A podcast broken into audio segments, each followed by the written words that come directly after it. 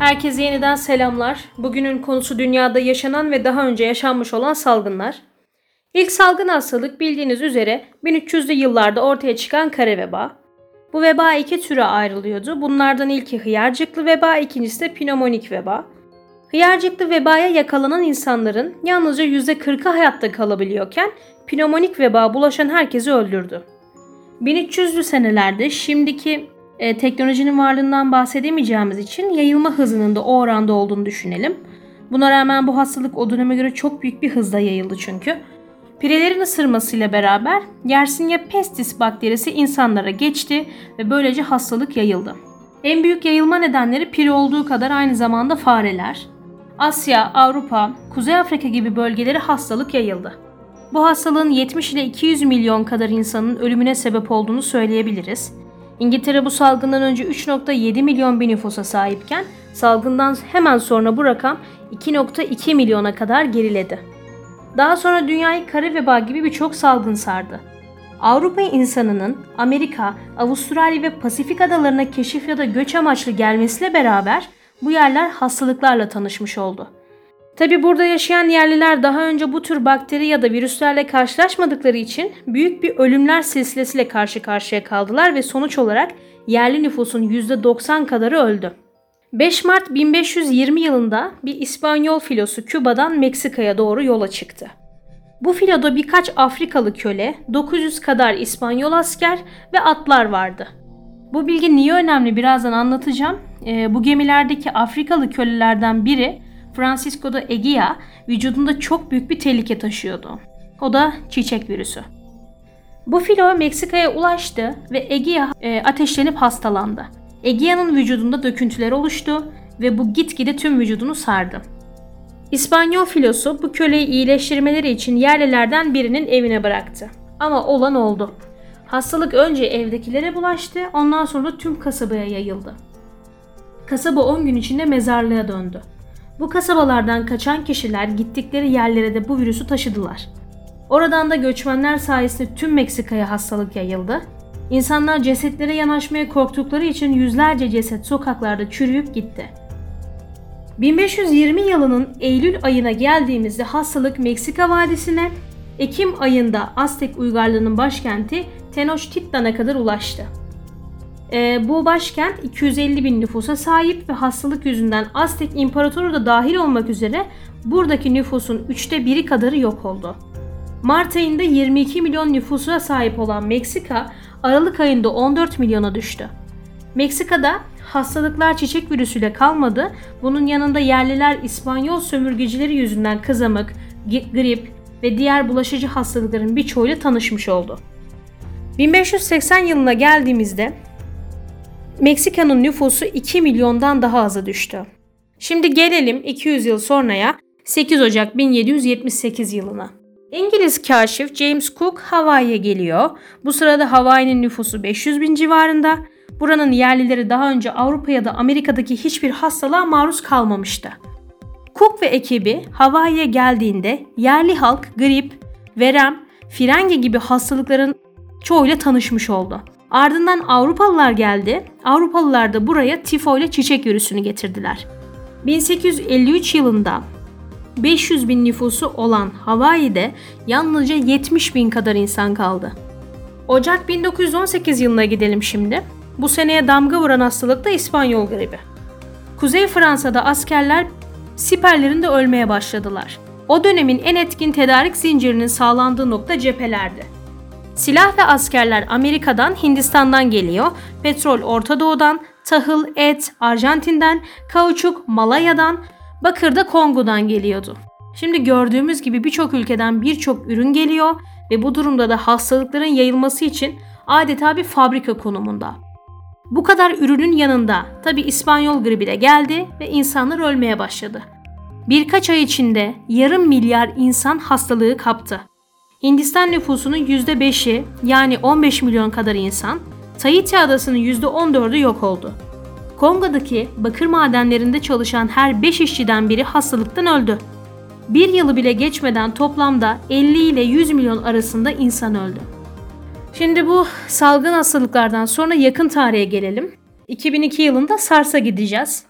Çin'de bir et pazarında ortaya çıktığı düşünülen bu hastalığın olma nedeni bu pazarların hastalık fabrikası gibi işlemesi. Yani ne demek istiyorum? Ee, biraz daha açalım. Bu pazarlar bizim bildiğimiz pazarlardan biraz daha farklı.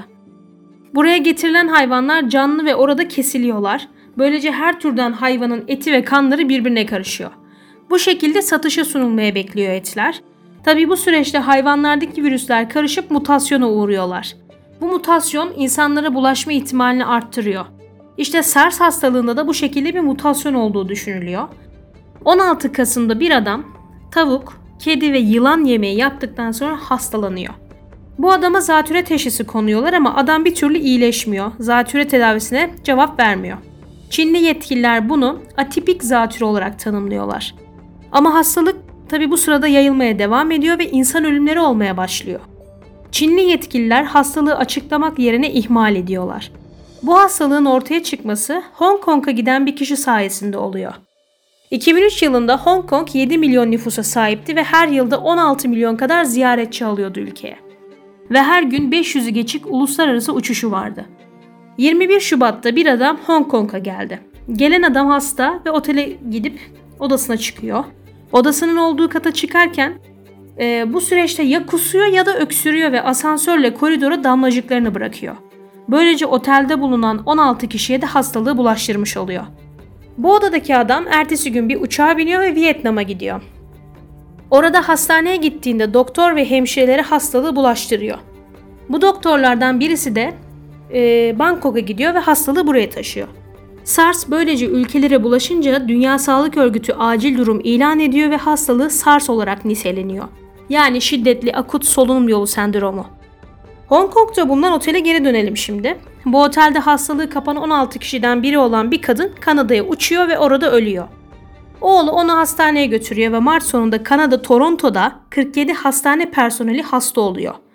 Yüzden fazlası da karantina altına alınıyor. Hong Kong'da da salgın tabi bu sırada gitgide büyüyor. Bunu örneklersek bir binada bulunan hasta e, ishal oluyor ve tuvaleti kullanıyor. Şimdi borular aracılığıyla taşınan virüs binanın havalandırma ünitesine kaçınca ve e, bu havayı da geri üfleyince tüm binaya virüs taşınmış oluyor. Bunun ardından rüzgar virüsü taşıyınca yakındaki binalara da virüs taşınıyor. Bu hasta adamın olduğu binadaki 329 kişi hastalık kaptı ve yüzlercesi karantinaya alındı. Hong Kong'da toplam 1755 kişi hastalık kaptı, 300 kişisi öldü. Toronto'da 251 kişi hastalık kaparken de 41 kişi öldü. En az 26 ülkede sarsa rastlandı ve sonra hastalık birden yok oldu gitti. Ama şimdi bir noktada biz durup baktığımızda Çinli yetkililerin bu hastalığı ihmal etmeleri ve saklamaları büyük bir tehlikeye sebep oldu. Çünkü Çin e, SARS'ın varlığını 18 kişi öldükten sonra kabul etti. Şimdi direkt e, günümüzü ilgilendiren ve şu sıralarda da yaşıyor olduğumuz salgına dönelim. Covid-19. Çin'in Wuhan kentinde ortaya çıkan bu hastalıkta aynı SARS gibi bir zatüre sanıldı ilk başta. İlk vaka 2019 yılının son günlerinde ortaya çıktı. 31 Aralık 2019'da Wuhan'da 41 kişide zatüre benzeri bir hastalık olduğu bildirildi ama daha sonra tabi bunun zatüre olmadığı anlaşıldı. Amerika Birleşik Devletleri Hastalık Koruma ve Korunma Merkezi 1 Ocak 2020'de virüsün Wuhan'da bulunan balık pazarından çıktığını iddia etti ve ardından Çinli yetkililer bu pazarı kapattı. Dünya Sağlık Örgütü Çin'e seyahatlerin devam etmesine bir sakınca olmadığını söyledi ama bence bu büyük bir hataydı. Bilmediğimiz ya da daha önce karşılaşılan salgınlardan ders almadığımız hastalıklara karşı tedbir almamız gerekirken Dünya Sağlık Örgütü bile bunu es geçti. 7 Ocak'ta Çinli yetkililer bunun yeni bir virüs olduğunu açıkladılar ve ismini 2019 nCoV olarak açıkladılar. Hastalık SARS ve MERS ailesinden de yani koronavirüsün çeşitlerinden biri. 11 Ocak'ta ilk ölüm gerçekleşti.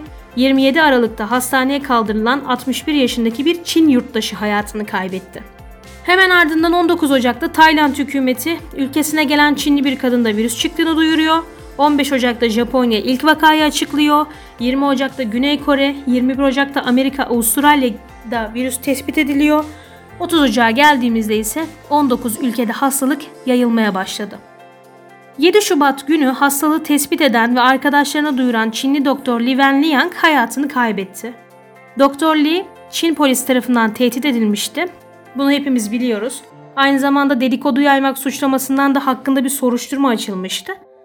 11 Şubat gününe geldiğimizde de hastalığın ismi değişiyor. Covid-19 şu an bizim bildiğimiz ismiyle Dünya Sağlık Örgütü tarafından açıklanıyor. 10 Mart'a geliyoruz. İlk vaka bizim ülkemizde de ortaya çıkıyor. Günümüze kadar olan süreci zaten hepimiz biliyoruz. Her geçen gün vaka sayımız artıyor, artmaya da devam ediyor. Şu an şu sıralar binin üzerinde seyrediyor hatta. Salgınlar hiçbir zaman bitmeyecek. Şimdi genel olarak toparlarsak.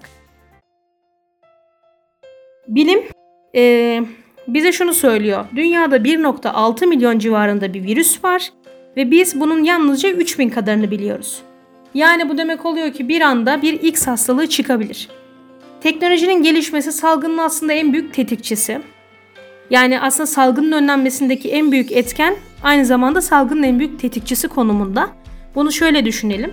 İlk hastalıklar gemiyle birlikte ortaya çıkıyor. Yani bir teknoloji yani bir icat var ortada.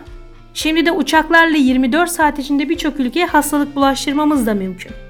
Aynı şekilde betonlaşma, yeşil alanların yok edilmesi de burada büyük bir öneme sahip. İnsanlık olarak vahşi yaşamaya ne kadar yaklaşırsak hayvanlardaki virüslerle enfekte olma ihtimalimiz de o kadar artıyor. Tabi bunun yanında et tüketiyor olmamız da buna büyük bir sebep. Normal şartlarda bir hayvandaki virüsün direkt olarak insanlara bulaşması çok zor. Ama e, zoonotik virüs olarak adlandırılan virüse dönüştüğü zaman bizim enfekte olma ihtimalimiz çok artıyor. Yani zoonotik virüsten kastım ne? Bunu örnekleyelim. 1918 senesine gidiyorum tekrar İspanyol gribine. Bu hastalık enfekte bir kuş ile bir enfekte bir insanın aynı domuzla karşılaşmasıyla başlıyor. Bu nasıl oluyor?